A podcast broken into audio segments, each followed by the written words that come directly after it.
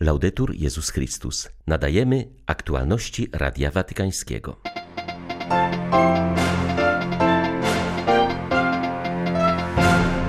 Najbliższych miesiącach na skutek pandemii kolejni ludzie zostaną pozbawieni środków do życia, ostrzega papież w orędziu na Światowy Dzień Ubogich. Przypomina, że kto nie dostrzega biednych, nie może być chrześcijaninem. Franciszek skierował przesłanie do polskiego ministra Michała Kurtyki, który przewodniczy obradom FAO. Przypomina w nim, że systemy żywnościowe muszą być ukierunkowane na człowieka, a nie na zysk. W Meksyku zamordowano 33-letniego Franciszkanina i towarzyszących mu wiernych. Przypadkowo znaleźli się w zasięgu strzelaniny narkotykowych karteli. 14 czerwca witają Państwa ksiądz Krzysztof Ołdakowski I Beata Zajączkowska. Zapraszamy na serwis informacyjny. Ci, którzy nie zauważają ubogich, zdradzają nauczanie Jezusa i nie mogą być Jego uczniami, pisze Franciszek w orędziu na piąty Światowy Dzień Ubogich. Będzie on obchodzony 14 listopada pod hasłem Ubogich zawsze macie u siebie.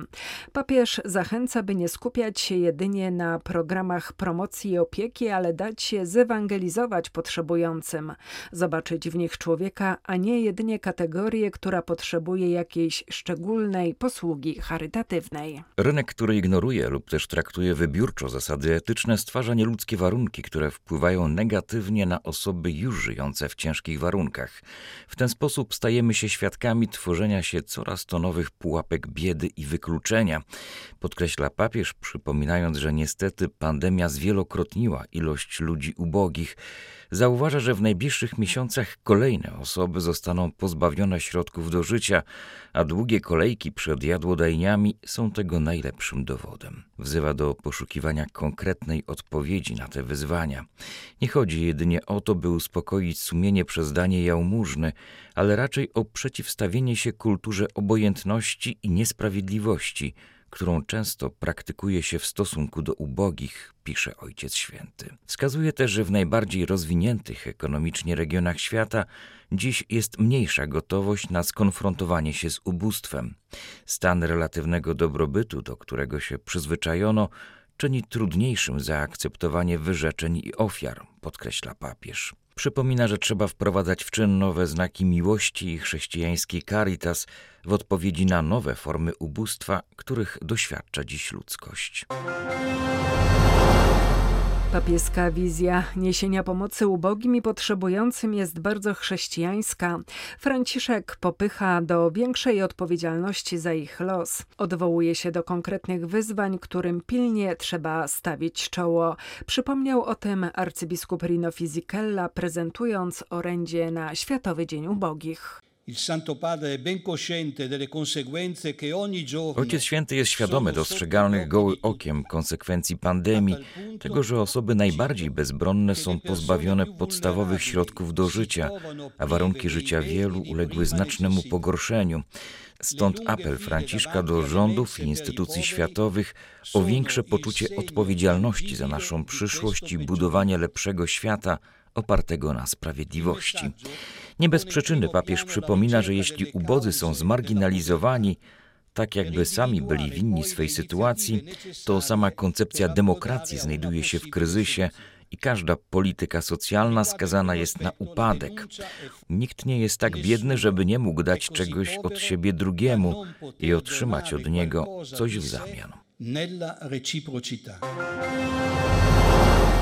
Konflikty, ekstremalne zjawiska pogodowe, problemy gospodarcze oraz kryzys zdrowotny stały się przyczyną głodu i niedożywienia dla milionów ludzi, pisze papież w przesłaniu do ministra klimatu i środowiska Rzeczypospolitej Polskiej Michała Kurtyki, który przewodniczy obradom 42. konferencji Organizacji Narodów Zjednoczonych do spraw wyżywienia i rolnictwa FAO.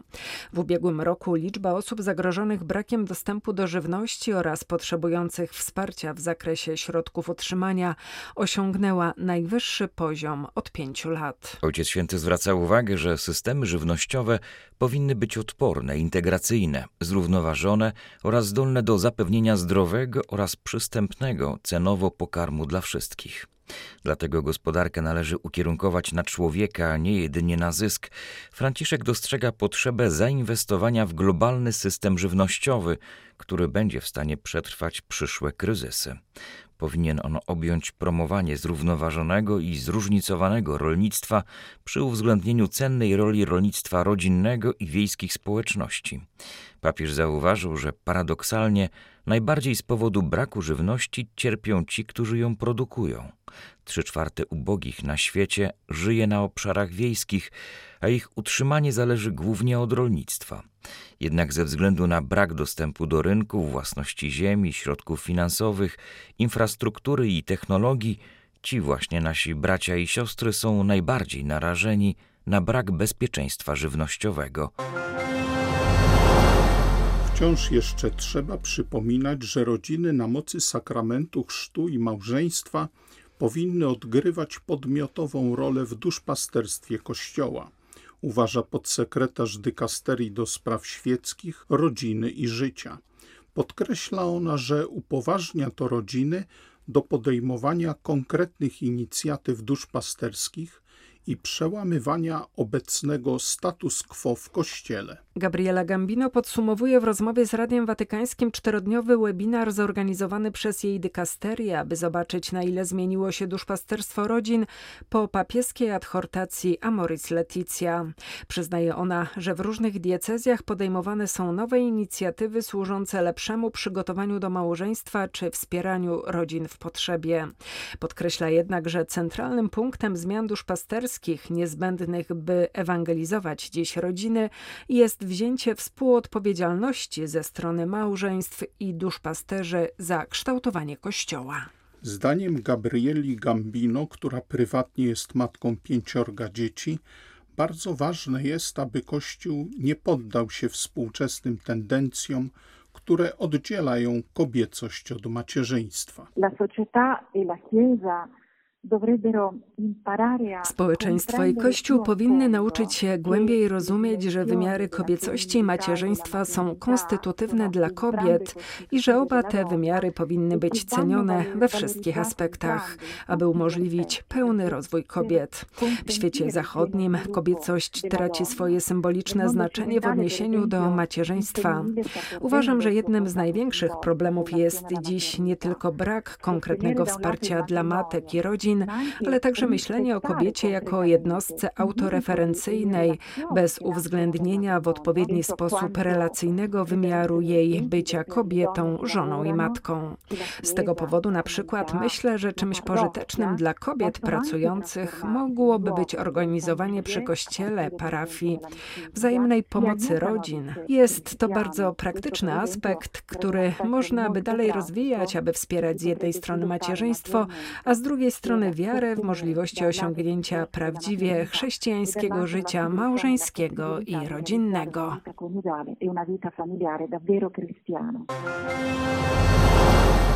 W Meksyku zabito 33-letniego Franciszkanina. Ojciec Juan Antonio Orozco wraz z grupą wiernych znalazł się przypadkowo w zasięgu strzelaniny między dwoma kartelami narkotykowymi. Do zdarzenia doszło w sobotę, kiedy ojciec Orozco wraz z grupą wiernych podróżował do miejsca, gdzie miał odprawić Eucharystię. Po drodze przejeżdżali przez miasto Mesquital, w którym rozpętała się walka między kartelami. Młodego Franciszkanina dosięgnęło osiem kul. W strzelaninie zginęli też i zostali ranni, również podróżujący z nim wierni. Jednakże źródła kościelne, które informują o zamachu, nie potrafią jeszcze podać dokładnych danych na ten temat. W Nigerii niezidentyfikowani napastnicy porwali wczoraj rano zakonnicę. Siostra jechała samochodem, kiedy uzbrojeni napastnicy wyprzedzili ją i zmusili do zatrzymania. Porywacze wepchnęli ją do samochodu, którym uciekali, podczas gdy jeden z nich poprowadził dalej jej auto. Bandyci udali się w nieznanym kierunku. Inny naoczny świadek zgłosił porwanie kolejnej wiernej, tym razem w anglikańskim kościele świętego Filipa na terenie tego samego stanu. Uzbrojeni napastnicy wtargnęli do parafii w Ochi w połowie nabożeństwa, około 7.45 rano i porwali jedną z modlących się kobiet. Po ataku przestraszeni ludzie przerwali nabożeństwo i uciekli z kościoła. Kolejny przypadek porwania miał miejsce w piątek. Szemidzie Okpara został oprowadzony, kiedy wracał do domu z rynku, na który poszedł kupić rzeczy na ceremonię pogrzebową. Po 48 godzinach od zdarzenia porywacze nie nawiązali jeszcze kontaktu z rodziną. Łaciński patriarcha Jerozolimy ustanowił doroczny dzień modlitwy o pokój na Bliskim Wschodzie. Po raz pierwszy będzie on obchodzony 27 czerwca. Centralnym punktem będzie msza w Bazylice Zwiastowania w Nazarecie. Arcybiskup Pier Battista Pizzaballa zapowiedział też, że przy tej okazji odbędzie się uroczyste zawierzenie Bliskiego Wschodu świętej rodzinie. Patriarsze Jerozolimy będą towarzyszyć w tym akcie katolicy biskupi Ziemi Świętej. Podczas uroczystości poświęcona też zostanie ikona świętej rodziny, która wyruszy w peregrinację po krajach Bliskiego Wschodu, rozpoczynając od Libanu, aby 8 grudnia na zakończenie roku świętej rodziny trafić do Rzymu. Ikona jest reprodukcją obrazu, który znajduje się w Nazarecie w kościele świętego Józefa. Zgodnie z tradycją świątynia ta została zbudowana na miejscu, gdzie miał się znajdować dom oblubieńca Maryi.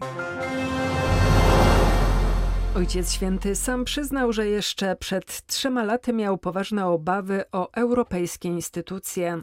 W kontekście fali migrantów i trwających wówczas kryzysów przyszłość Unii nie jawiła się w różowych barwach. Mówi Radiu Watykańskiemu biskup Jan Wokal, wiceprzewodniczący Rady Konferencji Episkopatów Unii Europejskiej Comesse. Wraz z innymi członkami prezydium tej instytucji gościł on w ubiegłym tygodniu w Watykanie i został przy przyjęty przez papieża. Podkreślił on, że Franciszek patrzy dziś na europejski sen z większą nadzieją, chociaż nadal ostrzega przed populizmem, który jest zagrożeniem zarówno dla Europy, jak i dla chrześcijańskich wartości. Biskupi z Comesse szczegółowo referowali papieżowi najbliższe plany unijnych instytucji – w tym również te, które uderzają w ludzkie życie i rodzinę, mówi biskup Wokal. Końcem czerwca probiegnie schwalowaniem w Europejskim Parlamentu. Pod koniec czerwca w Parlamencie Europejskim ma być przyjęty tak zwany raport Maticza. Jest to inicjatywa socjaldemokraty Freda Maticza z Chorwacji, reprezentującego grupę feministyczną. Ich propozycja, która już przeszła przez różne kluby, dotyczy przyjęcia przez Parlament Europejski tak zwanych nowych praw człowieka. Jednym z nich ma być prawo każdej europejskiej kobiety do aborcji, czy prawo każdego europejskiego dziecka do odpowiedniej, to znaczy adekwatnej ich zdaniem, genderowej edukacji seksualnej od najmłodszych lat na wszystkich szczeblach edukacji, która powinna być zatwierdzona przez genderowy program Światowej Organizacji Zdrowia. Innym nowym prawem człowieka miałaby też być na przykład eutanazja. Rozmawialiśmy więc z papieżem o tych tendencjach, propagowanych często przez małe grupy, które potrafią jednak zdobyć wielki posłuch.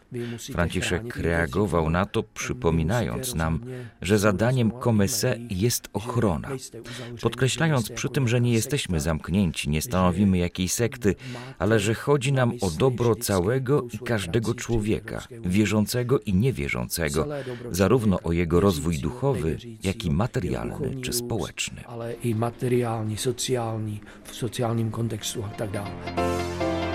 Były to Aktualności Radia Watykańskiego. Laudetur Jezus Chrystus.